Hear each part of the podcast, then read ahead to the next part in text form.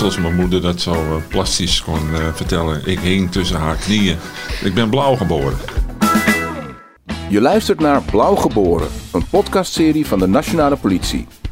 Omdat de komende jaren veel collega's met pensioen gaan, heeft Marijke de Jager, zelf rechercheur bij de Amsterdamse politie, het initiatief genomen een aantal van hen te interviewen om te voorkomen dat hun verhalen verloren gaan.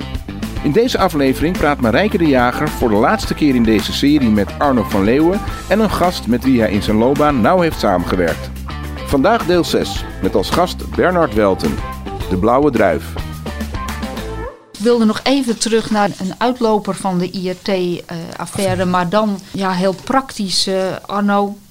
Uh, jij kreeg met een, een uitloper te maken en dat was de moord op Martin Svenne is ook uitgebreid, uh, uh, vooral in het verleden natuurlijk, uh, in het nieuws geweest. En gek genoeg was het ook wel, um, vorig jaar weer even actueel. Omdat toen de Belgische ex-recherchechef van de BOB Antwerpen, Willy van Mechelen... die is gearresteerd in het kader van een cocaïnezaak. Um, een man op leeftijd inmiddels. Waarom ben, ik, waarom ben ik niet verbaasd? Ja. En um, Van Mechelen, die die zou Sven hebben gerund als criminele burgerinfiltrant. Dat was toen het verhaal. Um, uh, jij kreeg met die zaak Martin Svenne te maken. Wat was jouw rol? Uh, was jij toen teamleider? Ja, ik was zaak? teamleider en uh, toen hadden we een systeem omdat ook de moordbrigade niet meer bestond. dat we één keer in de een week in de maand piket hadden. En als er dan een, een ontvoering of een moordzaak was, dan kreeg je dat in die week. Nou, ik had toen piket. En uh, dat bleek in een café op de Haarlemmerstraat, Haarlemmerdijk, de Blauwe Druif heette dat. Was een man uh, door zijn hoofd geschoten. Uh, dat bleek Martin Zwende te zijn. En de dader die was in het café achtergebleven en die zat, had zijn pistool op de bar gelegd. En was een checkie aan het draaien in afwachting van de politie. Dat was een ton van E. En ja, die is natuurlijk aangehouden en dat was het begin van het uh, onderzoek. Ja, de, de verdachte was eigenlijk al aangehouden. En nu um, uh, vroeg ik mij dus af, uh, toen jij dat onderzoek deed, um, was jij er toen van bewust dat dit niet een gewone ruzie was in het criminele milieu? Want het idee was dat Svenne een informant zou zijn van het IRT, of in ieder geval had, was er een relatie tussen hem en de drugs, die door onder regie van het IRT naar binnen werd gehaald. Uh, uh, toen je eraan begon, wist je dat? Vermoedde je dat? Kwam je daarachter? Ja, daar kwamen we vrij snel uh, achter. Toen we op het moment dat we wisten wie, de, wie het slachtoffer was. Dus dat kan ik me herinneren. En ik merkte ook meteen dat er druk op zat. Want ik moest bij, bij Joop van Riesen komen en Frakking, de hoofdofficier. En uh, ja, die gaf eigenlijk opdracht om, uh, om nou ja, goed uit te zoeken van uh, wat er hier aan de hand was. En ik moest ook regelmatig rapporteren, de voortgang van de zaak en zo. Ja. En nou vroeg ik me dan af van, dan kom je als teamchef in zo'n gevoelige zaak. de hele wereld zat al op zijn kop door die IRT-affaire. Um, hoe hou je dan je hoofd koel? Arno is Arno. Ja, en... Maar afgezien daarvan, want... Nee, ook met het team. Uh, dus dus uh, uh, ja, ik kan me herinneren, ik zat op een goed rechercheteam. Dus ja, iedereen deed gewoon ja. zijn ding. En, en ja, je had de focus gewoon van we gaan uitzoeken wat er aan de hand was. Dus je niet laten afleiden door nou ja, alle rimram die er dan omheen is. Ja. En die was er wel natuurlijk, want ja, hij was groeiinformant. Hè, dus hij had van uh, diverse walletjes. En hij wist precies uh, in Antwerpen, want daar kwam hij vandaan, wanneer er uh, containers binnenkwamen met drugs en voor wie. En nou ja, daarbij werkte hij samen met, met Willy van Mechelen. En Willy van Mechelen met Frits van de Putten. En als je nou, er, zijn, er zijn natuurlijk wel meer zaken, ik bedoel over teamleiders, de moord op Pim Fortuyn, noem allemaal dat soort dingen op. dat zijn allemaal gevoelige zaken. Um, als je dat nou tot een goed einde wil brengen, waarvoor moet je dan zorgen? Uh, dus je moet, uh, ik zeg al, je moet een sponsor hebben. Dus je moet rugdekking hebben. Dat is het belangrijkste eigenlijk. Dus, uh, Geleend dat, gezag. Ja, dat had ik. En dat betekende ook capaciteit voor het onderzoek en aandacht. En, dus dat, ja, dat, moet je eigenlijk organiseren. Maar in dit geval was dat heel makkelijk, want eh, eh, dat werd gewoon aangeboden. Was ook opdracht. Ja. Zegt hij het goed, eh Bernard, zo? Ja, ja, ja, wel. Nou ja, de sponsor is wel, wel belangrijk. Ja, je realiseert je dat niet altijd, maar, ja, dat is heel maar belangrijk. het is heel belangrijk. Ja, dat is eigenlijk heel belangrijk. Het is, het is essentieel. Van, heb je, kijk, wat belangrijk is, dat is tenminste in, in, in de rol waarin ik zat, en, en maar ook mensen als Joop van Riesen zal ik maar zeggen, Mhm. dat is dat je, eh, dat je durft te vertrouwen op, op datgene wat het vakmanschap heet van, eh, van, van de collega's. Hè? En, en, eh, en dat is bij de een, dat straks zei ik al, hè, in die tijd woog je ook mensen. Van, kan ik, als ik jou aankijk, durf ik het dan aan jou over te laten of, eh, of, of, of toch maar niet? Nou, en Arno was natuurlijk de categorie mensen die, die een combinatie is van passie, talent, geweten, eh, ambitie. En, en dan, als je dat hebt als, als vakman, dan denk je, laat hem maar gaan en laten we vooral veel steunen en dan komt er een goed eind aan. Mooi gezegd, toch? Ja. Ja. Ehm, de- nog twee zaken uit die tijd, omdat dat denk ik toch mooie voorbeelden zijn over hoe toen de recherche was en hoe, hoe jullie dat probeerden aan te pakken. Ehm, ik, ik kwam er onder meer op omdat in eh, eh, het parlementair onderzoek, het rapport wat gedaan is, gemaakt is door eh, de parlementaire enquête, moet ik dan zeggen. Van Van Tra bedoel je? Van Van Tra. En een van de rapporten is het eindrapport georganiseerde criminaliteit. En dat moest een beeld geven van de stand van zaken van de georganiseerde criminaliteit in Nederland. Ik heb me toen niet zo gerealiseerd, maar zij schrijven dan van, eh, dat ze dat belangrijk vinden om op te schrijven, omdat ze op basis daarvan ook kunnen beoordelen wat voor opsporingsmethodes je dan nodig zou hebben. En daar worden ook een aantal zaken uit Amsterdam aangehaald. En de eerste is de zaak van Boris Vastovski. En Bernard, dat is ook een zaak geweest. Die, is dat ook een zaak uit die Nova-week geweest? Nee. Of dat niet? Nee, nee, nee, nee, nee, die, die, die, is er, eh, die is er niet ingekomen. Ja, nou, ehm, eh, Arno, jij vertelde mij eh, dat Boris Vastovski, dat was een zaak die jij gezien hebt, die Bernard heeft aangegrepen om ook, zoals je net zei, de georganiseerde criminaliteit op de kaart te zetten. Ja, dat was mijn, mijn beeld. Want kijk, waren natuurlijk meer ontvoeringen in die tijd. We hadden, we hadden bijna elke, elke twee, drie Ja, weken hadden ja, we precies, ja. Ik ben er helemaal Dus- flauw van. Ja, dus, dus nu hadden we een eh, Russische zakenman eh, die, eh, ja, die, die moest zich melden bij de Vreemdelingendienst en daar is hij nooit aangekomen. En toen ging zijn familie naar het politiebureau en daar zeiden ze, er moet iets aan de hand zijn, hij is weg. En daar zeiden ze het politiebureau, nou komt hij over twee weken maar terug. Want dat, dat, zoiets van, eh, dat was een soort criterium van, eh, van, eh, bij het vermiste personen. Ehm, nou, dat was geen goede beslissing, want daardoor hadden we een achterstand van twee weken in het onderzoek. En, nou ja, je, moet er, je moet erbij houden dat die man, want het was eigenlijk bijna een economisch delict, had de markt, Ja. de vodka-markt rondom Leningrad, die Ja. had hij in bezit. Klopt. Nu jij weer. ja, met het label, dat, dat blijkt nog steeds te bestaan, Black- Black, Black, Black Dead. Death. Ja, Ja. een wodka-label. Ja, ja, ja, ja. ja. Ehm, nou ja, en dat werd wel duidelijk dat het een Russische zakenman was. En nou ja, volgens mij in de strategie eh, dacht Bernard, eh, ja, dit is een eh, zaak om, eh, om zeg maar aandacht te vragen aan de buitenwereld van, van eh, wat er zich in Amsterdam afspeelt op georganiseerde criminaliteitsgebied. Dus ja, alles werd verstal gehaald eigenlijk eh, om, eh, om eh, Boris te vinden. En dat betekende heel veel personeel. Dus ik denk, nou ja, ik, kan ik was tactisch coördinator in de, destijds. Nou, ik denk dat ik eh gillend gek werd, van, eh, want het werd een chaos voor mij dan. Om dat allemaal in de gaten te blijven houden. Daar waren we, nou ik was in ieder geval niet, niet goed toe in staat om, om dat overzicht goed te houden. Er gebeurde ook zoveel. En ik weet nog, Bernard, die stond toen eh, echt letterlijk boven op het bureau. eh, om eh, aandacht te, te zeggen van we gaan ervoor. En, en ja, dus Ja, hij is niet over zijn, maar achteraan beginnen, hij is nooit gevonden. Hij is nooit gevonden. En, en, en, en overigens was dat ook de eerste keer dat je over digitale criminaliteit gesproken, dat het losgeld betaald is op een bankrekening Luxemburg. hè? Luxemburg. Ja. ja, ja, Ja, klopt, ja. ja, waren te laat.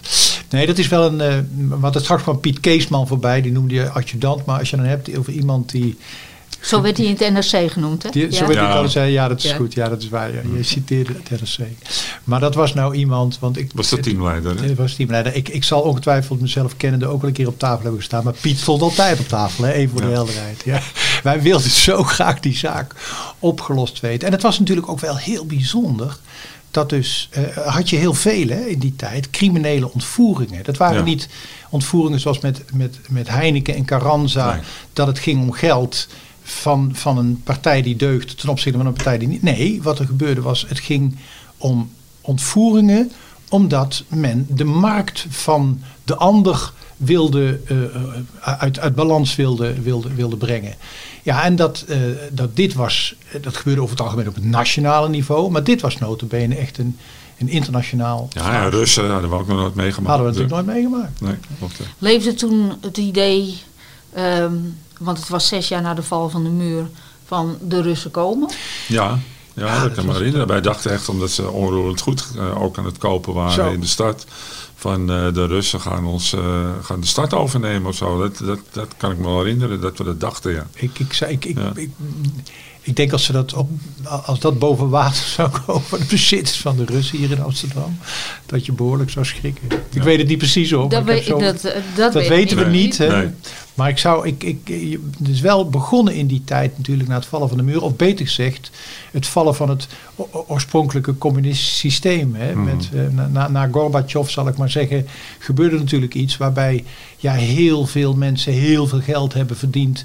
En, en, eh, en dat ook natuurlijk ook weer moesten investeren, wat voor een belangrijk deel in het Westen is, eh is Maar ik weet, bijna alles kon in die zaak. Dus we kregen bijvoorbeeld een tip dat hij eh, begraven zou leggen in het vliegenbos. in F-16 Amsterdam-Noord. eroverheen. Ja, dus dan eh, zijn F-16's met warmteapparatuur over de stad gegaan. Ja. Daar kregen we toestemming voor. Ja, Ja, ja. wij hebben wel alles aan En een rotherrie natuurlijk. Ja, Eh, maar wat- iedereen dacht, het is oorlog, wat is er aan de hand? Nee, wij waren boers aan het Ja, zoeken. maar Boris aan het zoeken. Maar nog steeds niet gevonden. Nee. Eh, een ander slachtoffer in die tijd, ehm, die ook in het rapport wordt genoemd, dat is Toe van Ires. En ehm, eh, Arno, wat was die zaak? Ja, dat was een bijzonder. Dat was een heroïnehandelaar en dat was een, een neef van de Turkse minister. En die werd eh, op een zaterdagmiddag, hij woonde op de president eh, Kennedy-laan, eh, werd hij door een eh, aantal mannen verkleed in eh, politieuniformen eh, en met een wit busje met een Ontvoerd. erop. Ja. Het leek net of het arrestatieteam eh, werd hij ontvoerd, zwarte kap over zijn hoofd en eh, die, eh, die verdween. En nou, daar kregen we op een gegeven moment melding van. En nou, dat was al bijzonder. Op een gegeven moment komt er bij de buren waar hij woonde een pakketje. zo begon, zo kregen we zicht op de daders. Er werd een pakketje afgeleverd. En dat pakketje dat, dat kwam op het eh, hoofdbureau bij ons op de kamer. En ik kan me herinneren, er werden wat grappen over gemaakt. Omdat we net toen een ontvoering van Paul Getty, of familie van Paul Paul Getty. Getty. Ja, in, in Amerika was en daar hadden ze een oor afgesneden. Afgesneden oor, ja. Ja, dus de grap was van, eh oh, er zit een oor in het pakketje. Nou ja, dat pakketje werd opengemaakt. Maar er bleek een filmkokertje met een afgesneden vinger en een ring van eh Toe van RS eh, in te zitten. Eh, dus eh, dat lag, eh, verging ons wel, want toen werd het wel, daar schrik je toch van. En het grappige was dat op de buitenkant van het pakketje zaten vingerafdrukken van iemand die bij de ontvoering betrokken was. Dus die had dat zo afgeleverd, ergens op een postkantoor. Allerlei mensen in onze in handen gehad, ook regisseurs. Maar toch vonden we nog een vingerafdruk van. dus hebben we twee verdachten weten aan te houden van de tien die erbij betrokken waren. En eh, zij waren ook bij de onderhandelingen betrokken. En eh, eh, nou ja, uiteindelijk, omdat die familie, die had wel bezittingen, maar geen cash geld. Dus nou, dat duurde kennelijk te lang en hij is uiteindelijk vermoord. En gevonden in, een, in het water ergens in Heemske, Heemskerk. Ja, daar werd hij verzwaard met stenen gevonden. En eh, nou, wat nog bijzonder was, dat onze teamleider, die kende een eh, teamleider uit Zaandam. En uh, die had gezegd van, wij hebben in Zandam een hele bijzondere verhoormethode. En daar hebben we behoorlijk veel resultaat mee gehad in een aantal zaken. want die verhoormethode leidde tot bekentenissen. Dus waren die twee verdachten en waren nou ja, al verweldigend technisch bewijs ook nog wel met vingerafdrukken en andere dingen. Het busje was gevonden. Maar we wilden toch de slagroom op de taart. Bekentenis. En bekentenis. Dus uh, ik, uh, uh, nou ja, dus dat bleek dat in uh, Zaandam hadden ze een, een, een psycholoog ingehuurd. En die had een bepaald type regisseurs geselecteerd. En die werden, dat was vrij revolutionair, met een regiekamer toen al. daar hadden die regisseurs oortjes in. En die deden dan het verhoor. En die verdachten, die, dan moet je je voorstellen, die hele kamer dat was allemaal uitgedacht door die psycholoog.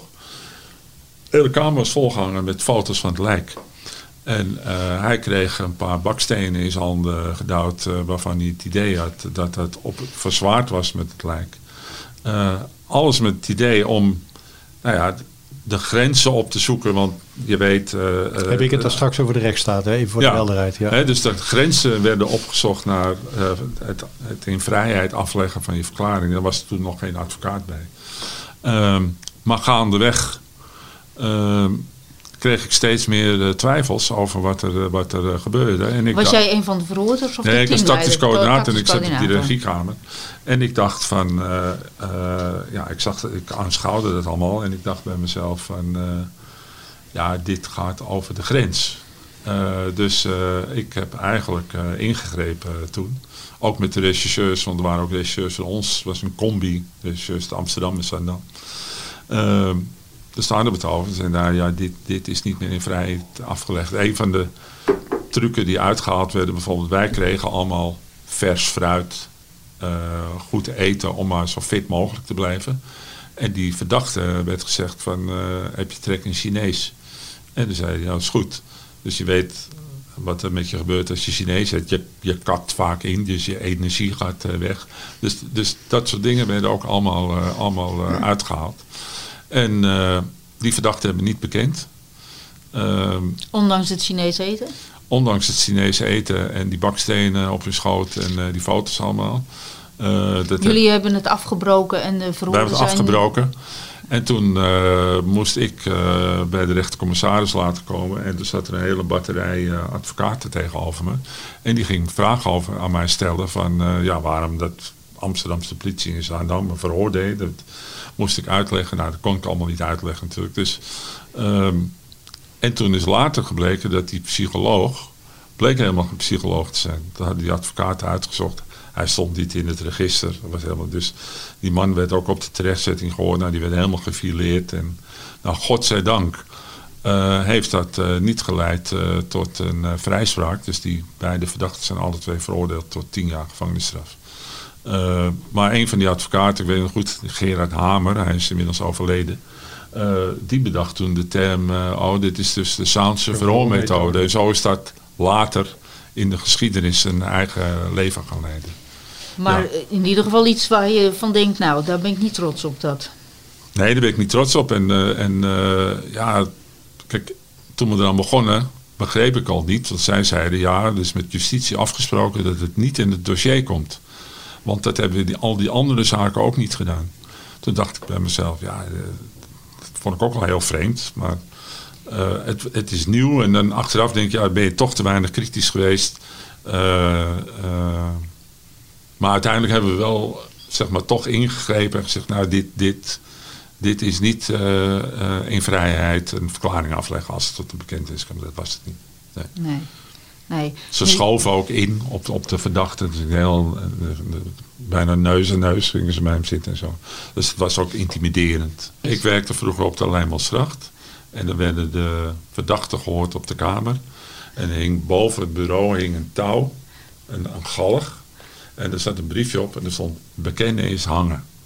He, dus het, het, idee bij de regisseurs was altijd, als je een bekentenis had, dan heb je het bewijs rond. Dus daar werd eigenlijk uh, uh, nou, naartoe gewerkt, ja. Ook in die verhoren, ja. Bekennen is hangen. En, zo, en, en je kreeg juist meer straf als je, als je bekende. Goed dat het, Andere tijden. goed dat het nu Ja. anders is. Ja. Ehm, dat was toe van RS. Ik heb het genoemd in een rustige vaarwater, omdat 93 en daarna wel heel eh, dynamisch eh, was. Ja. Je bent, eh, of het recherchewerk, ik weet niet of je kan zeggen dat het zich ontwikkeld heeft, maar in ieder geval een manier om recherchewerk te doen of om een criminaliteit aan te pakken, is de persoonsgebonden aanpak. Ja. En daar heb jij verschillende dingen in gedaan. Ehm, en daarvoor ben je allereerst in de Indische buurt actief geweest. Ja, Amsterdam-Oost, ja. Aan de Amsterdam-Oost. Lineestraat. Ja, en dan hadden we het uh, harde kern jeugdteam. Onder leiding van Willem Bolders, die toen districtchef was. Jij was toen geen chef, al, jij was inmiddels al korpschef toen? In Groningen. Ik ben korpschef in Groningen in een periode. Toen Ja. was je in Groningen. Ja, ja, in die periode.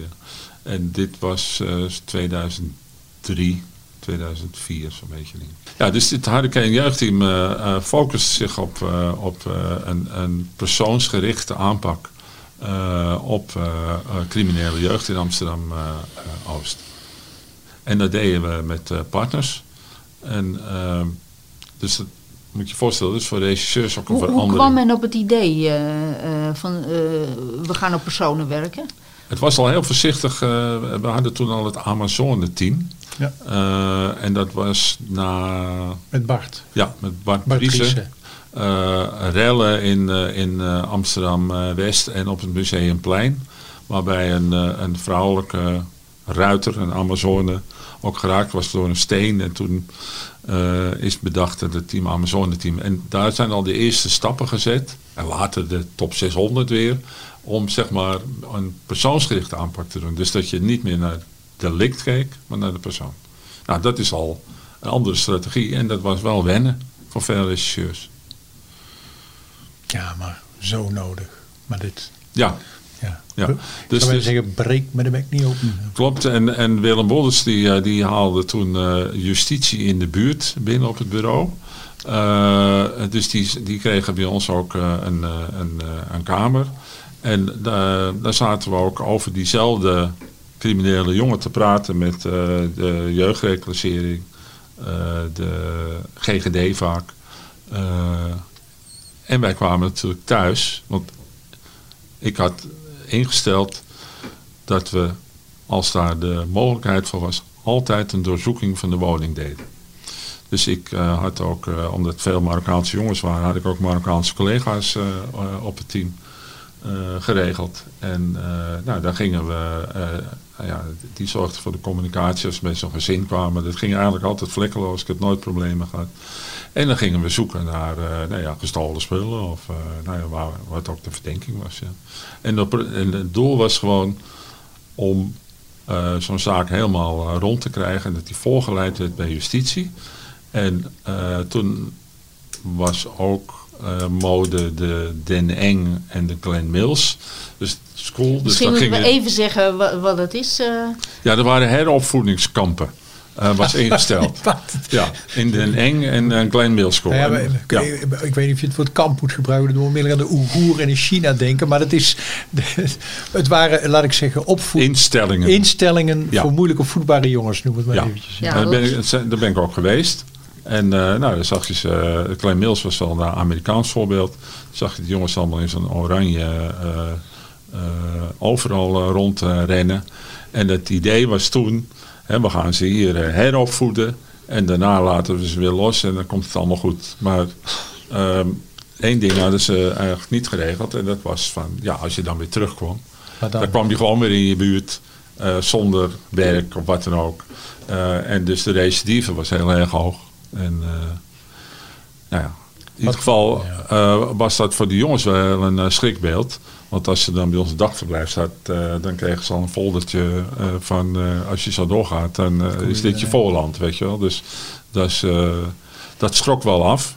En in die periode dat we het gedaan hebben, daalden de aangiftecijfers, in ieder geval van straatroof, met de helft.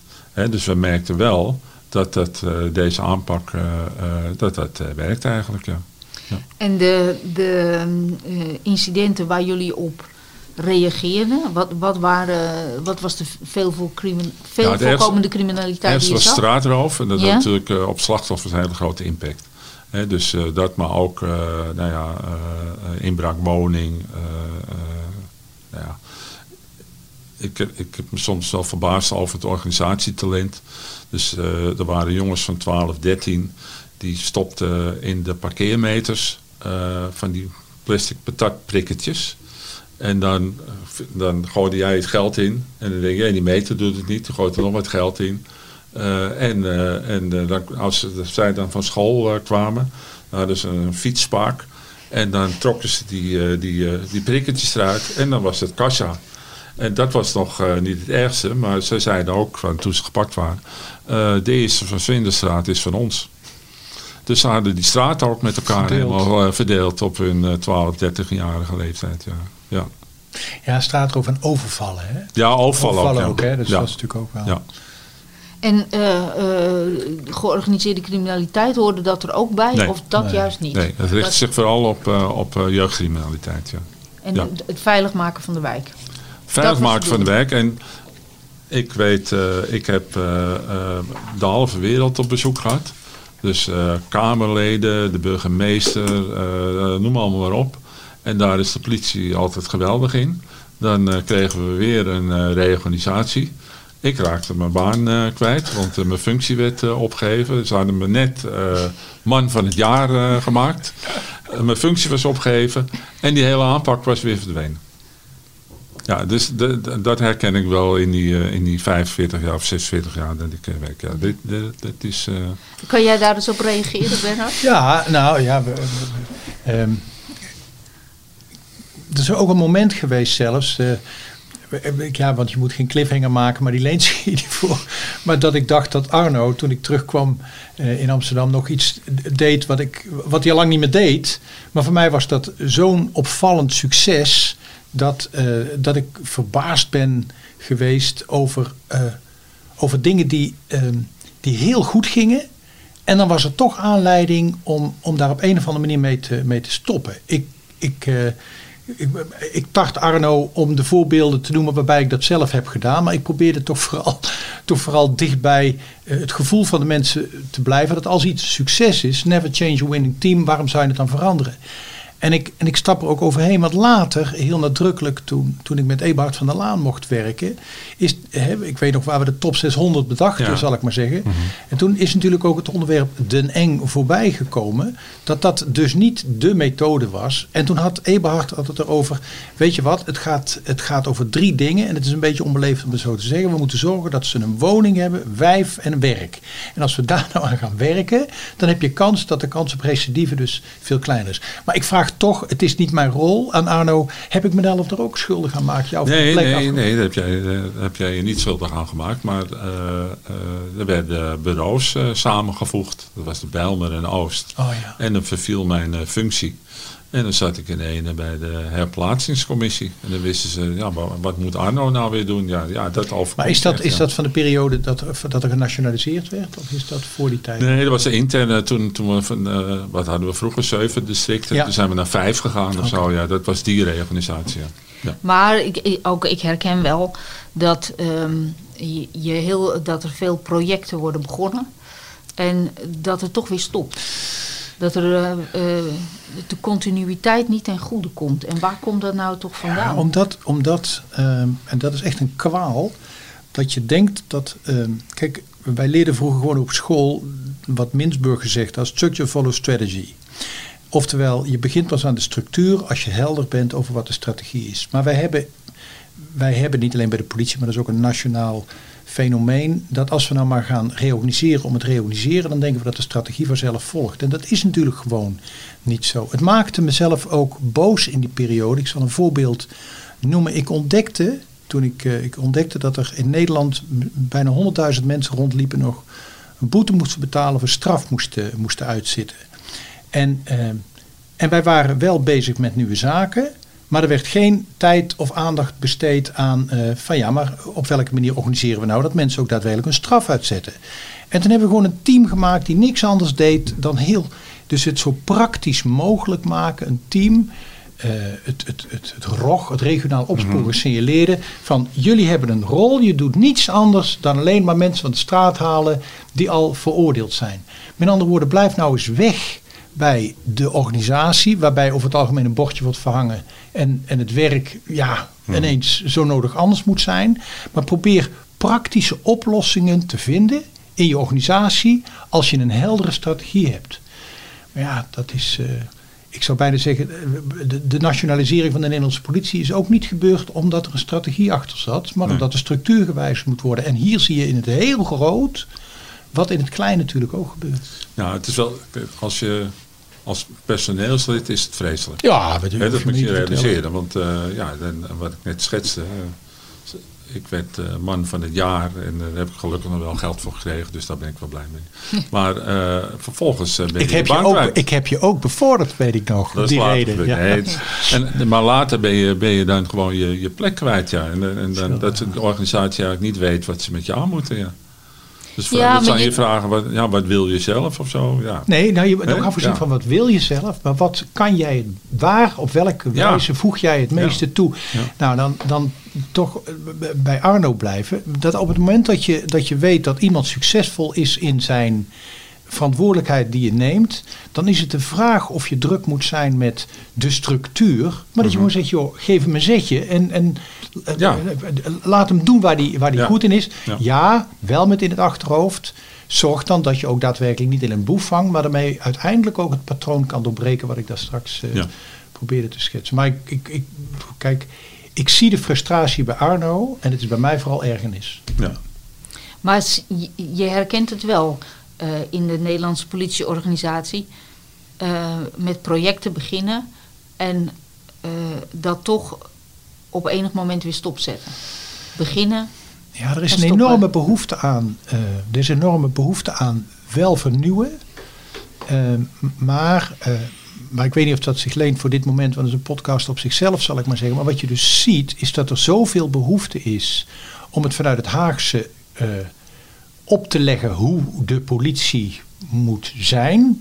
Dat je bijna vergeet het ook gewoon aan de vakman zelf te vragen. Dit weekend las ik een column. En dan schreef je, joh, hou nou toch eens op met je als politiek te veel te bemoeien met het vak. Ooit schreef ik met een club Politie in Ontwikkeling.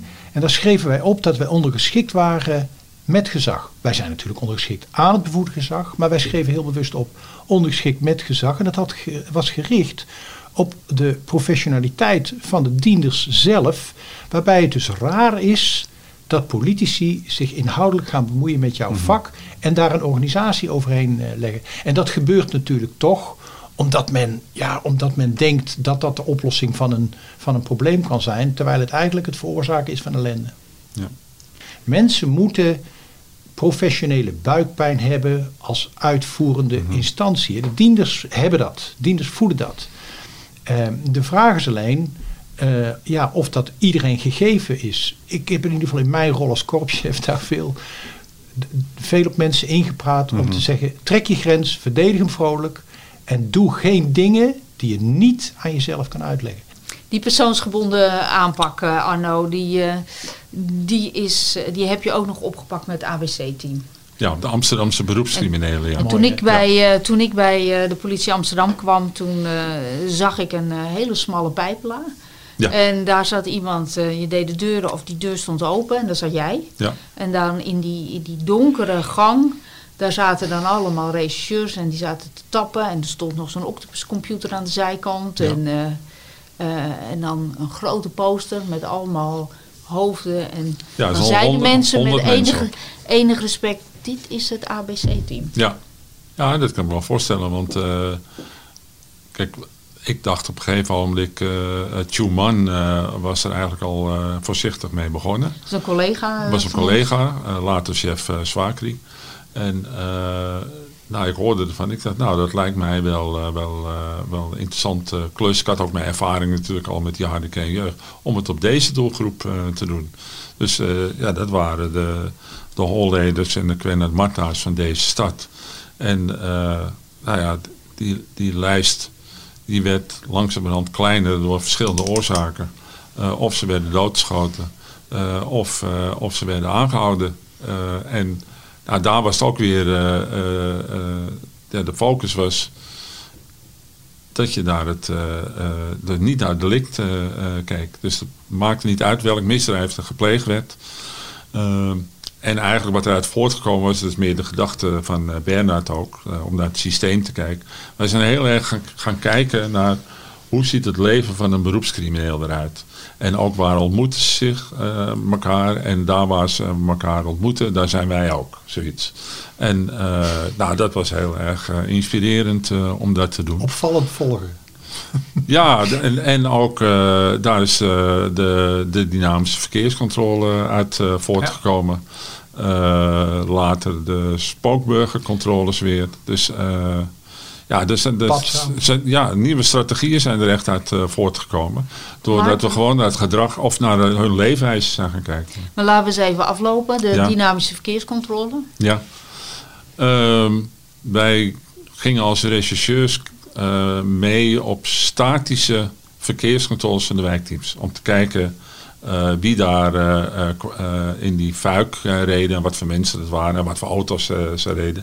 En nou, daar zagen we wel voorbeelden van, er kwamen bijvoorbeeld vier Colombianen in een, in een huurauto aan.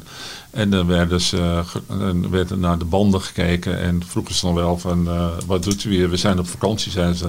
Prettige vakantie verder. En dan stonden wij verder zo te kijken. Van, ja, dat, dus toen hebben we bedacht van, hé, hey, wij kunnen zelf de selectie doen we niet.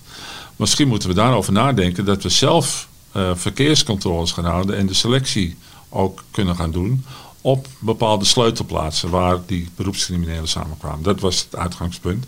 Maar dat betekende dat we regisseurs in uniform moesten zetten. En we moesten een herkenbare politieauto hebben, die we zelf niet hadden. Dus die moesten we altijd lenen.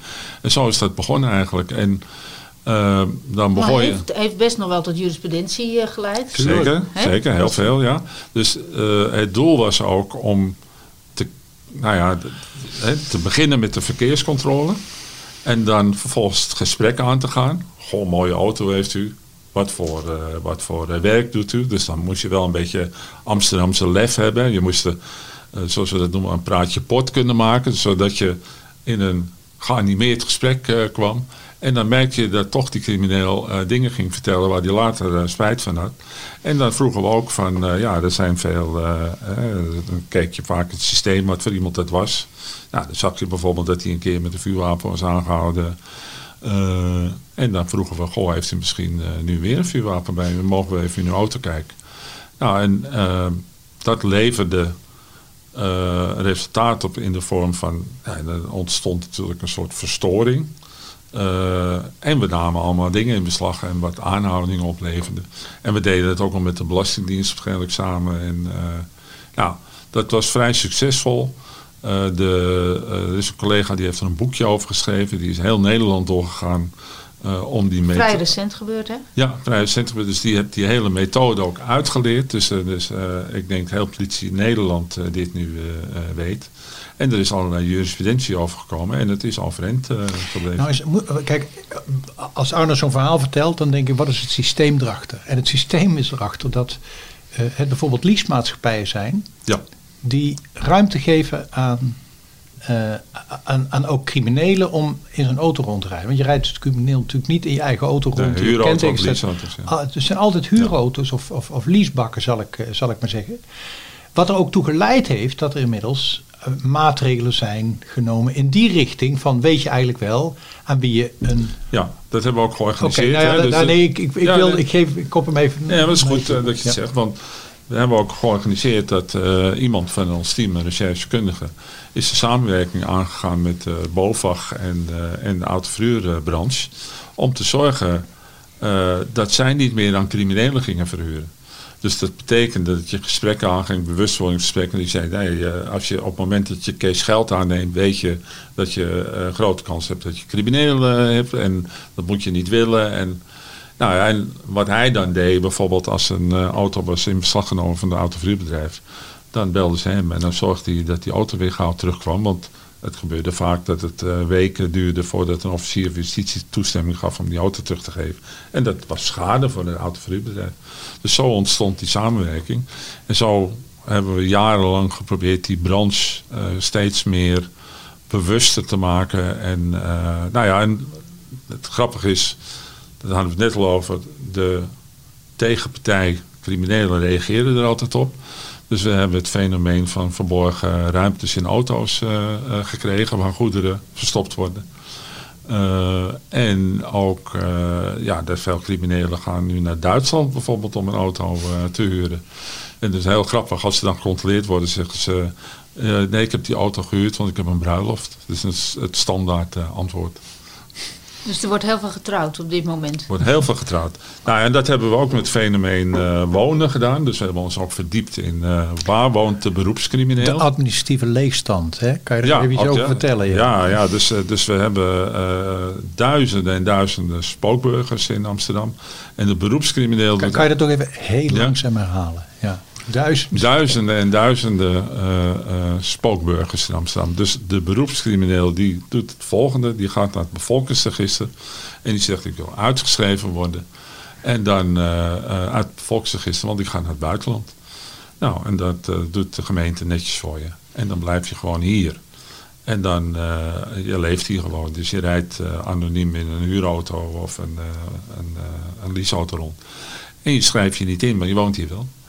Nou, je kan, die mensen kunnen vaak een huis kopen. Dus die huren een huis. Cash. Nou, ja, en dat wordt cash betaald. Uh, en uh, makelaars en, uh, en nou ja, woningbemiddelaars. Dat, hebben we, dat fenomeen hebben we ook al sinds de jaren negentig.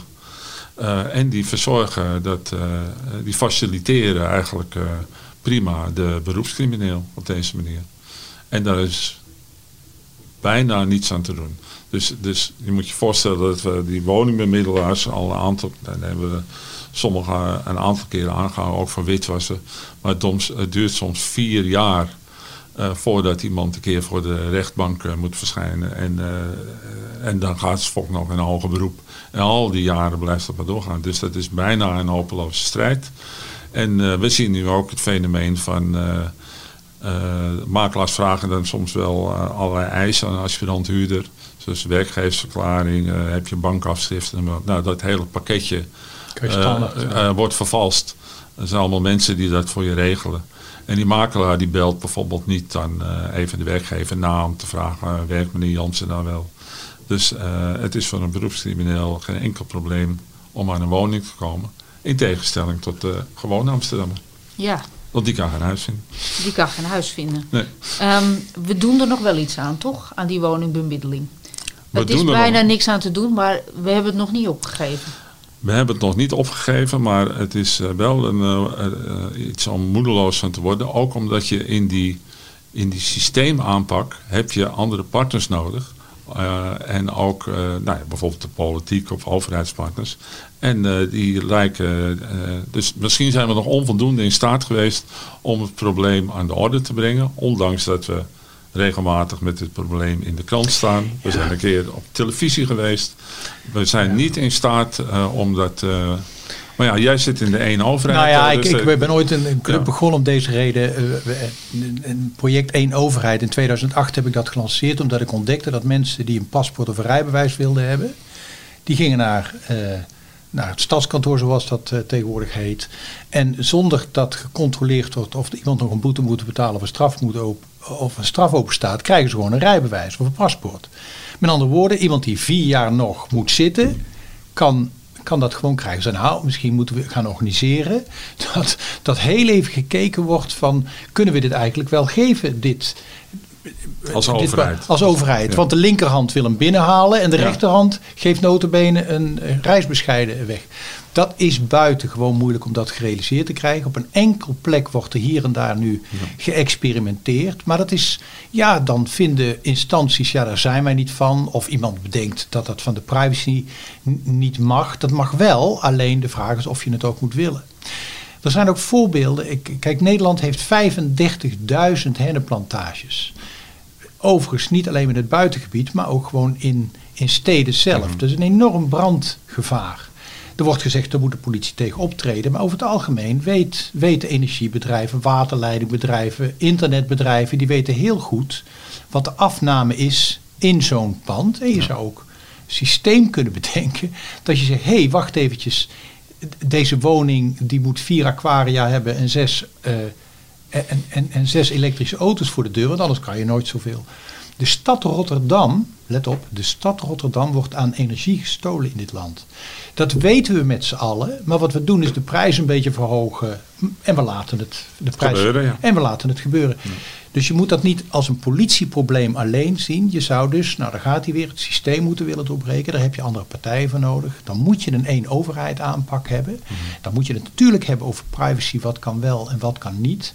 Maar nu wordt privacy vooral gebruikt als argument. Ik heb er geen zin in om te doen en het is vooral jullie probleem.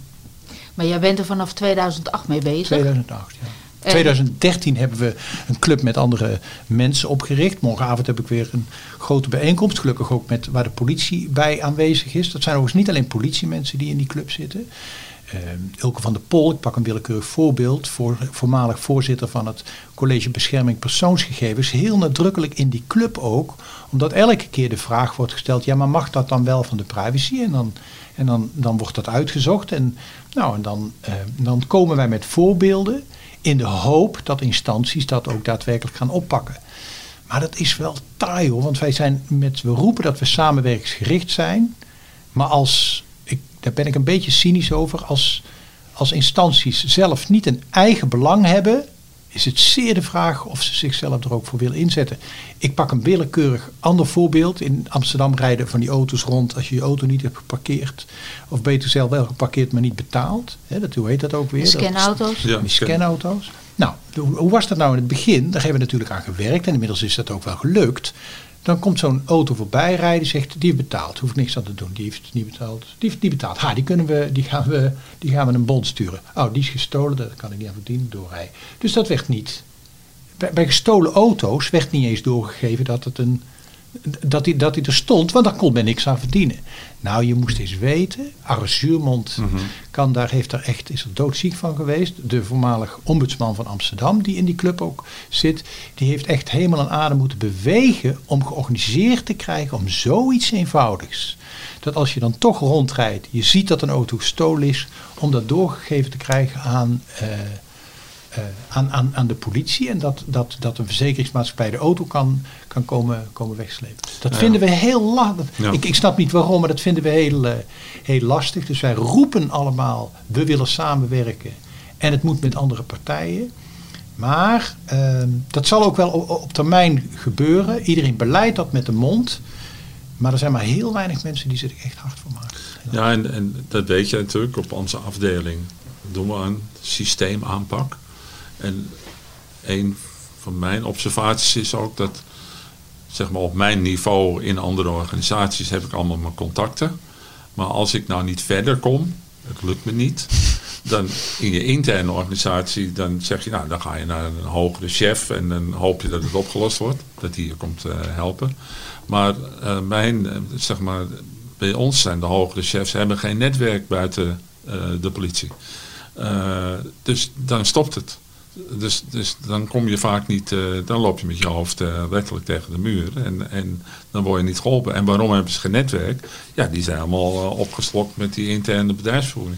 Maar overigens is dat even niet een politieprobleem. Hè? Nee, Dus- dus, kijk, wij kijken in Nederland door een rietje naar een schilderij. Ja. Ehm, het, het, linkerministerie, het ene ministerie wil ook niks met het andere ministerie te maken hebben. Het is buitengewoon. Eberhard van der Laan, daar straks kwam die heel even voorbij, die was zo vriendelijk om, om beschermheer van onze club te zijn, zal ik maar zeggen. Nodigde voortdurend elke minister uit die die, die maar uitgenodigd kon krijgen. Ehm, en, en ook hij, oh, hij, hij zei altijd, let op, wat, dit gaan ze zeggen, dat kan niet, dat mag niet en dat doen we al. En dan gaat het vooral ook tussen samenwerking, samenwerking tussen verschillende Ja. ministeries. Ook daar is dat natuurlijk, eh, en dat, dat heeft ermee te maken, dat, dat heeft alles te maken met de financiering van die instanties. Dus als zij, als zij geld moeten betalen voor iets waar ze zelf niet van beter worden, dan, eh, dus ze zijn drukker met het behalen van hun eigen doel dan het realiseren van een collectief resultaat. En dat zou je natuurlijk, hè, dat, dat, iedereen zegt nee, dat moet inderdaad veranderen. Maar wil je dat veranderen, dan moet je de financiering van, van die inst- instellingen. Amsterdam heeft een periode gehad dat het zomaar kon gebeuren dat er 25 verschillende hulpverleningsinstanties bij één probleemgezin over Ja. de vloer kwamen. En dat kwam omdat die allemaal op een eigen wijze gefinancierd worden. De top 600 heeft daar een beetje een breuk in, in aangebracht. Maar het is taai. Marijke. Heel erg taai. En je houdt het nog vol, Bernard. Nee, eh, moed, kijk, moedig, wij roepen veel onderling moedig voorwaarts. Moedig, voor- Moedig voorwaarts. Nou, eh, Arno, dat hoef jij straks niet meer te doen. Nee. Moedig voorwaarts op dit terrein. Ehm, ik vind het wel een eh, eh, mooie observatie van je dat je zegt... ehm, ik kan me voorstellen in, in, een, in een bedrijf... dat de, de, de directeur of, of hoe het tegenwoordig noemt... dat externe netwerk heeft. En dat je dus eigenlijk zegt dat onze bazen... eh, met name een intern netwerk hebben, Ja. gericht op de eigen En met politieorganisatie. justitie. En, met justitie. Ja. Maar de partners met wie wij moeten werken, eh, daar zijn, eh, is het middenniveau en het lagere niveau druk mee bezig, maar dat hogere niveau eh, sporadischer. Ja. Laat ik het zo zeggen. Ja, ja. Ehm, die, die, ehm, eh, we kwamen op dit hele onderwerp door het ABC-team. Ehm, je zei eh, in een, eerder, een eerdere keer ook iets eh, tegen mij. Dat je zei dat ABC is dadengericht, maar het risico is dan wel dat criminelen terug gaan bijten. En Ja. dat ze een regisseur nemen als mikpunt. Ja. En ehm, eh, dat had twee gevolgen. Het ene was dat het voor jouzelf gevolgen had. En het andere was dat je zei, ik wilde onder nummer gaan werken. Of in ieder geval dat mijn verbalisanten onder nummer gingen werken. Ja, ik dacht al in het begin, eh, als we succesvol eh, zijn, dan met die dadengerichte aanpak, met die persoonsgerichte aanpak. Ik zei ook tegen de regisseurs, ga vooral, je moet niet uitstralen dat het iets persoonlijks is. Hè, dus straal vooral uit, je doet je werk, je doet iets wat verboden is en ja, dan moet ik je nou eenmaal aanhouden. Hè. Zo, dat, dat was eigenlijk de stijl. Maar eh, op het moment dat je iemand eh, al vier keer aangehouden hebt, gaat die ander denken, hé, wat is hier aan de hand, weet je wel. Dus, dus, eh, ehm, dus ik had wel mensen gewaarschuwd van, ehm, ja, het kan zich ook tegen ons gaan keren. Hè? Dus dat mensen zich op ons individueel gaan richten. Nou, en dat gebeurde ook. Dus, dus een van de, er was iemand, een ABC'er, die had kennelijk ingang bij, bij het bevolkingsregister. Er kon niemand bij die gegevens.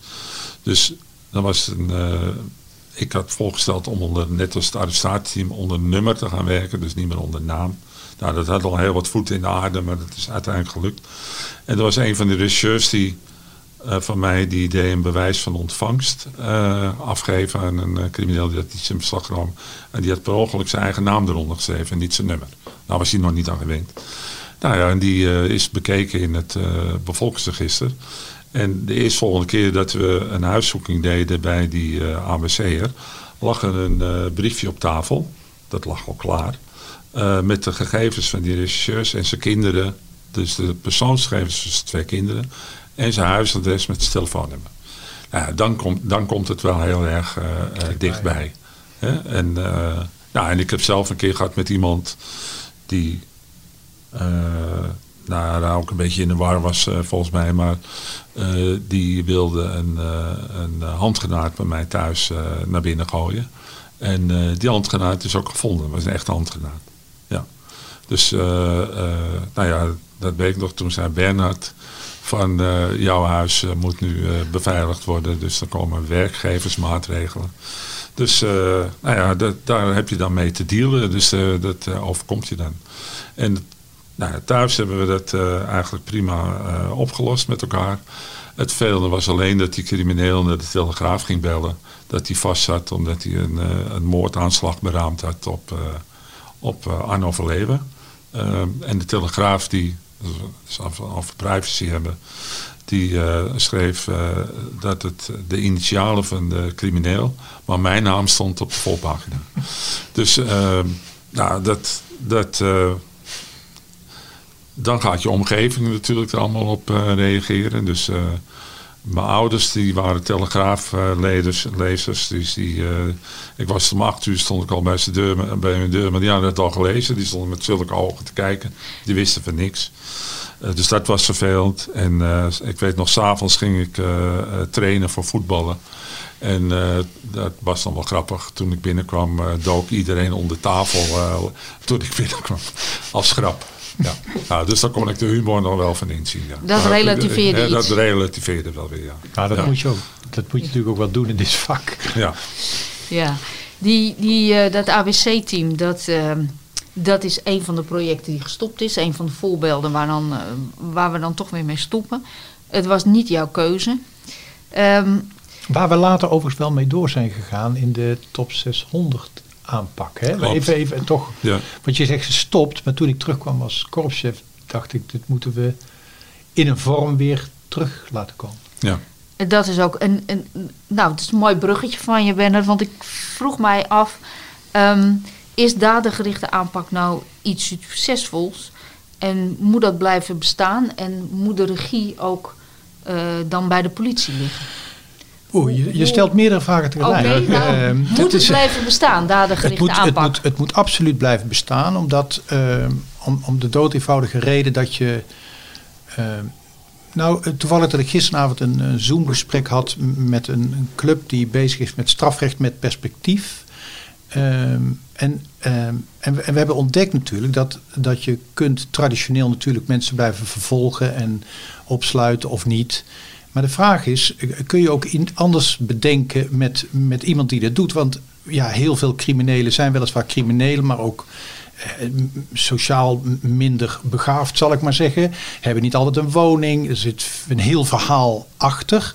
Eh, dat is één. Dus zouden ze ook geen zorg nodig hebben. En twee, zouden we iets kunnen doen aan het herstelrecht. Ik bedoel, als jij slachtoffer wordt van het feit dat je mishandeld bent, zou het dan niet terecht zijn dat je, dat, dat je het vergoed krijgt? Of dat er in ieder geval een geste vanuit de dader wordt gedaan in jouw richting, al was het maar eh, excuus. Dus je kunt, ehm, en, en het voordeel van een dadergerichte aanpak is ook nog een keer dat je dat dus met zoveel partijen doet. En dan hoeft niet. ehm, dan hoeft niet de politie de verantwoordelijkheid te hebben. Maar als het bijvoorbeeld het grootste probleem is dat iemand geen woning heeft, dan zeggen we nou, de, de woningcorporatie, ga jij ermee nou aan de slag? En als je onze hulp nodig hebt, trek dan aan de bel.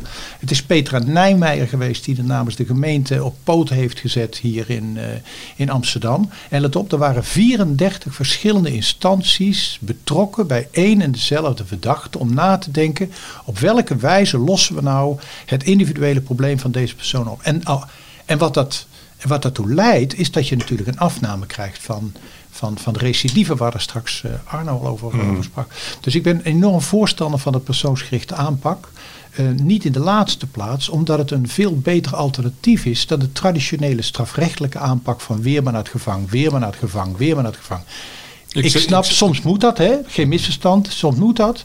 Maar je moet ook maatregelen nemen om, daar gaat hij weer, om het patroon te doorbreken. En dat kan door gewoon iets meer dan gemiddelde aandacht laten te besteden in een collectief verband naar een dader. Ik zit nu ook eh, weer in een eh, project dat heet de Eervolle Uitweg. Dus van de, in het kader van de weerbare stad, hè, de ondermijningsproblematiek.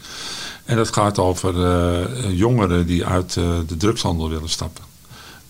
En dat is een pilot. En nou ja, ik zie hoe die pilot nu gaat. Ja, ik ben ervan onder de indruk. Dus, dus, dus jongeren die, eh, die er echt uit willen stappen. En die krijgen dan ook nu echt hulp met eh, inderdaad eh, een huiswerk, scholing, dat soort dingen. En dat kost allemaal wel bloed, zweet en tranen.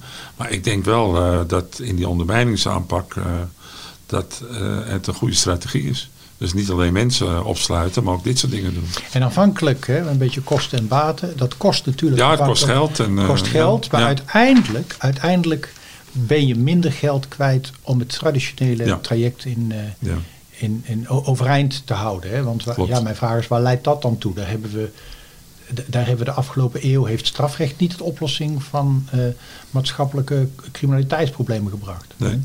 Je moet het wel hebben, hè? geen misverstand. Het moet er wel zijn. Maar wij leerden vroeger op school, dat was het ultimum remedium. Mhm. Het laatste redmiddel. Maar wat we hebben er dan gemaakt, we hebben het optimum remedium gemaakt. We denken dat strafrecht elk... Ik, ik hoor nog een minister zeggen, dat moeten we dat krachtig Ja. aanpakken. Dan denk ik, ja, dat, ja, wat dan? Mensen nog meer aanhouden. Je moet dus... met, met een gevolg nu dat we een volstrekt eh, verstopt systeem hebben. eh, één grote ja, congestie. ja. Dus jullie zijn in ieder geval voorstander van die persoonsgebonden aanpak. Ehm, Arno, ehm, na het ABC-team ehm, heb je toch een heleboel dingen meegenomen uit dat ABC-team in het Integraal Actiecentrum. Ja. Wat eh, je samen met een aantal recherchekundigen hebt opgezet. Eh, waarbij dus nou, weer dat systeem aanpakken Ja. juist voorop kwam te staan. Mhm. Eh, ik heb dat gezien, eigenlijk alle proberen allerlei interventies te doen. Eh, eh, met als uiterste dan strafrecht.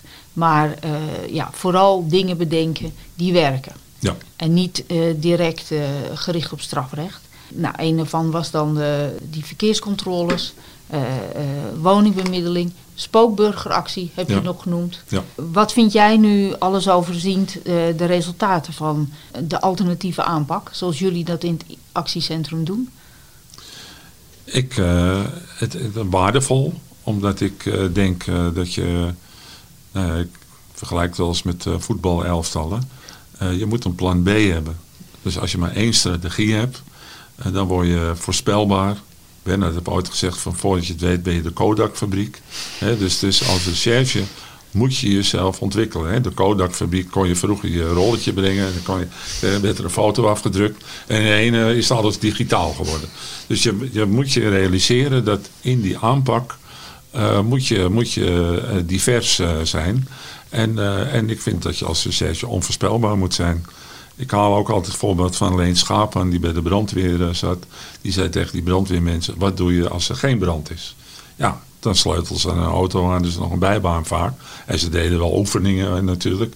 Maar hij zei, ja, misschien moet je iets aan preventie gaan doen. Zorgen dat, uh, dat er brandmelders komen en dat soort dingen. Nou, vergelijk dat nou eens naar ons werk. Als je alleen maar mensen aanhoudt en opsluit, uh, dat is maar één strategie en dat gaat je nooit helpen. Alleen met die alternatieve strategie is het wel zo dat je alert moet zijn, omdat die tegenpartij hartstikke veel flexibeler is dan wij. En, en die bedenken vaak weer, eh, weer uh, wat nieuws. Ja. Marijke, ja. snap je dat ik een fan van Arno ben? Ja, dat snap ik zeker. Um, bij die, um, dat actiecentrum, want het, uh, gaat, het heet een beetje anders nu of het is geïntegreerd in. Maar als jij straks niet meer bij ons werkzaam bent, loopt dat nog gewoon door. Um, uh, er is nog één uh, ding um, wat jouw belangstelling heeft en waar je al heel lang mee bezig bent. En dat is de sport, met name de voetbal. En daar komt die begrippen als ondermijning en uh, preventie, uh, dat soort dingen komen daar allemaal terug. Ja, Zou ben, je daar iets over kunnen vertellen? Ik ben begonnen met, uh, ik moet eerst ik heb zelf gevoetbald. Ik heb 13 jaar in de eerste elftal gespeeld. Dus dan wij wilden zeg maar nooit betaald worden voor onze prestaties. Maar we zagen wel dat in Amsterdam allemaal amateurclubs waren, zag ik toen al. Die, uh, die, uh, waar de spelers betaald werden. En dat waren dan uh, criminele suikerooms.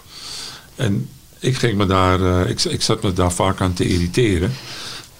20, 25 jaar terug al. En het, ik vond het beste voorbeeld was uh, met Nedim Imac als uh, voorzitter. En die Nedim Imac was uh, gewoon een heroïnehandelaar. Maar die had het wel in de publiciteit voor elkaar dat hij als het voorbeeld werd gezien van integratie in Amsterdam.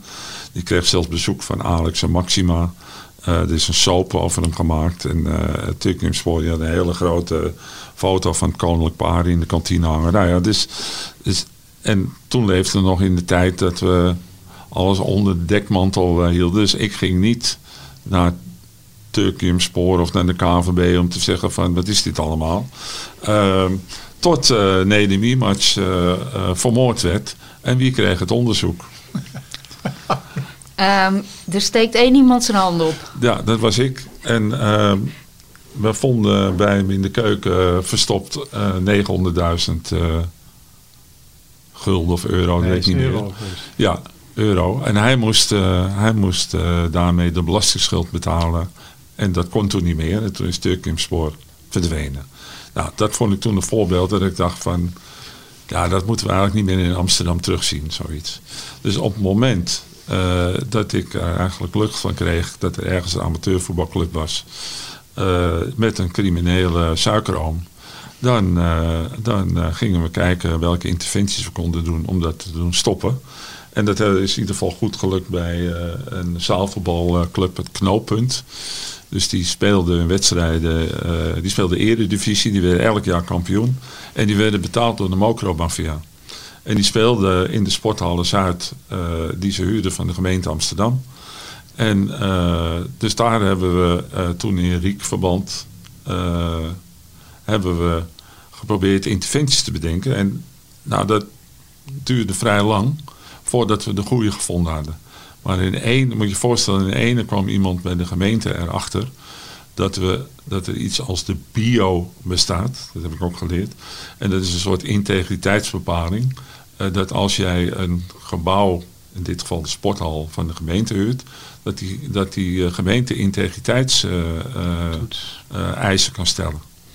En toen hebben we een bestuurlijke rapportage opgemaakt met wat we allemaal zagen. Want uh, nou, ik geloof de penningmeester was bij liquidaties betrokken. En nou ja, allerlei, uh, allerlei, gedoe. allerlei gedoe onder mijn dingen. En toen heeft de gemeente de zaaluur opgezegd. Dus toen konden ze, met zaalvoetbal heb je een zaal nodig.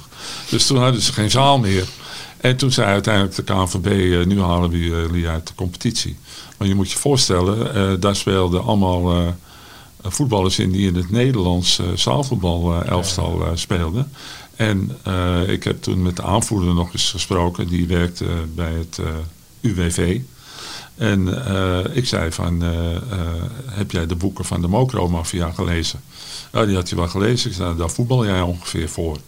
Dus dat, hè, dus dat gesprekken voerden we dan wel. In, in de hoop ook dat je op die manier nog invloed uh, had. Nou, uiteindelijk... je, je, hebt dat ook bij, bij die sportgala's gedaan. Die, die, die... Ja, de vechtsportgala's uh, uh, geldt hetzelfde voor toen. Misschien stond dat op je, rijtje, op je lijstje bereiken, nou, maar ik denk laat het hem... Ja, nee, dat klopt ja. ja. Hè, dus dus daar, zo zijn we met amateurvoetbal begonnen.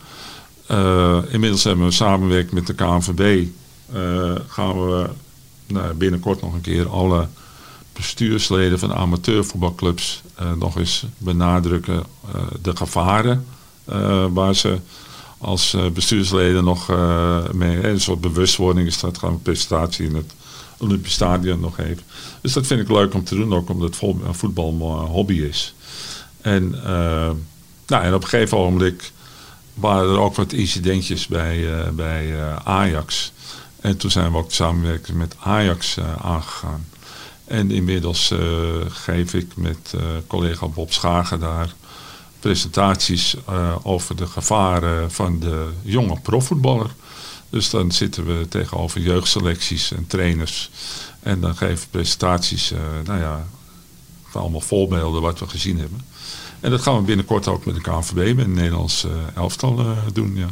En waarom lopen zij gevaar? Gewoon um, in zijn nou, ja, het, ze, hebben het, ze hebben veel geld of hebben potentie om veel geld te verdienen. Ja, dat is duidelijk. het zijn jonge jongens die, uh, die uh, nou ja, deels uit Amsterdam komen. Die daar ook een vrienden hebben opgedaan.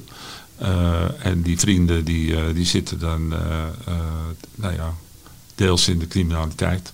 En dan moet je proberen afstand van te nemen. En op het moment dat je daar samen mee gaat rondrijden in je Mercedes die je van Ajax hebt gekregen. Uh, dan ontstaan vaak uh, de problemen. Want uh, ja, we hebben wel mensen, criminelen, wij moeten criminelen waarschuwen als er een dreiging op hun leven is. Nou, dat hadden we bij, bij iemand gedaan en die rijdt weg in een auto. Ja, die stond op naam, die werd geleased door Ajax. Dus die had hij geleend van een, van een, van een speler. Um, ja, en dan, dan ontstaat het ongemakkelijke gevoel dat als je straks uh, samen in een auto zit, uh, hè, dus de Ajax voetballen met crimineel en die auto wordt onder uh, vuur genomen, wat natuurlijk regelmatig gebeurt in Amsterdam, dan hebben we de pop aan het dansen. Dus dat was eigenlijk de aanleiding om te zeggen van baas, hè, dus je moet er niet mee omgaan. En, nou, dat is een van de dingen. Maar laatst ook het voorbeeld vorige week over nou, het illegaal gokken is een groot uh, gevaar voor uh, matchfixing. Uh, en zo zijn er nog wel meer dingen die, die de revue passeren. Ja. ja. Um, op je eerste dag van je pensioen, ja. ga je hier nog iets aan doen? De eerste dag zijn we uitgelopen met de KNVB. Ja, dus dan gaan we daar nog een, met Bob Schaag presentatie geven. Dus ja, dat liep zo, dus ik ga dat gewoon doen. Nog iets aan toe te voegen? Hij blijft dat ongetwijfeld nog even doen. Ja, dat denk ik ook. Dat, nou, ik heb thuis gezegd, als Ajax belt, dan uh, kom ik nog in actie. Als Ajax komt, Bernard. Niet als wij bellen, maar, als Ajax komt. Maar verder niet. Goed. Um, in deze aflevering hebben we laten zien hoe het recherchewerk van Tappen Volga aanhouden is doorontwikkeld naar bestrijding van georganiseerde criminaliteit met behulp van partners en door het bedenken van nieuwe strategieën. We hebben gesproken over acties in het kader van wijkveiligheid, over de persoonsgebonden aanpak. En de ontwikkelingen op het gebied van techniek, forensisch onderzoek, financieel en digitaal reageren, dat hebben we buiten beschouwing gelaten. Maar multidisciplinaire aanpak, aandacht voor ondermijning, aandacht voor de dienstverleners, aandacht voor het systeem. Het bestaat eigenlijk al lang. Criminele samenwerkingsverbanden zijn steeds internationaler. De aantallen kilo's die verhandeld worden nemen jaarlijks toe. De communicatie wordt steeds geavanceerder, digitalisering is overweldigend en de beschikbaarheid van wapens, denk alleen maar aan de handel op het dark web of op Telegram, lijkt niet te stuiten. En toch is er relativering op zijn plaats. Ik hoop dat de laatste afleveringen van deze podcast met Arno van Leeuwen en Bernard Welt hebben laten zien dat ook jaren geleden geweld, ontvoeringen, moord, meerdere kilo's verdovende middelen aan de orde van de dag was of waren. En het was soms erger.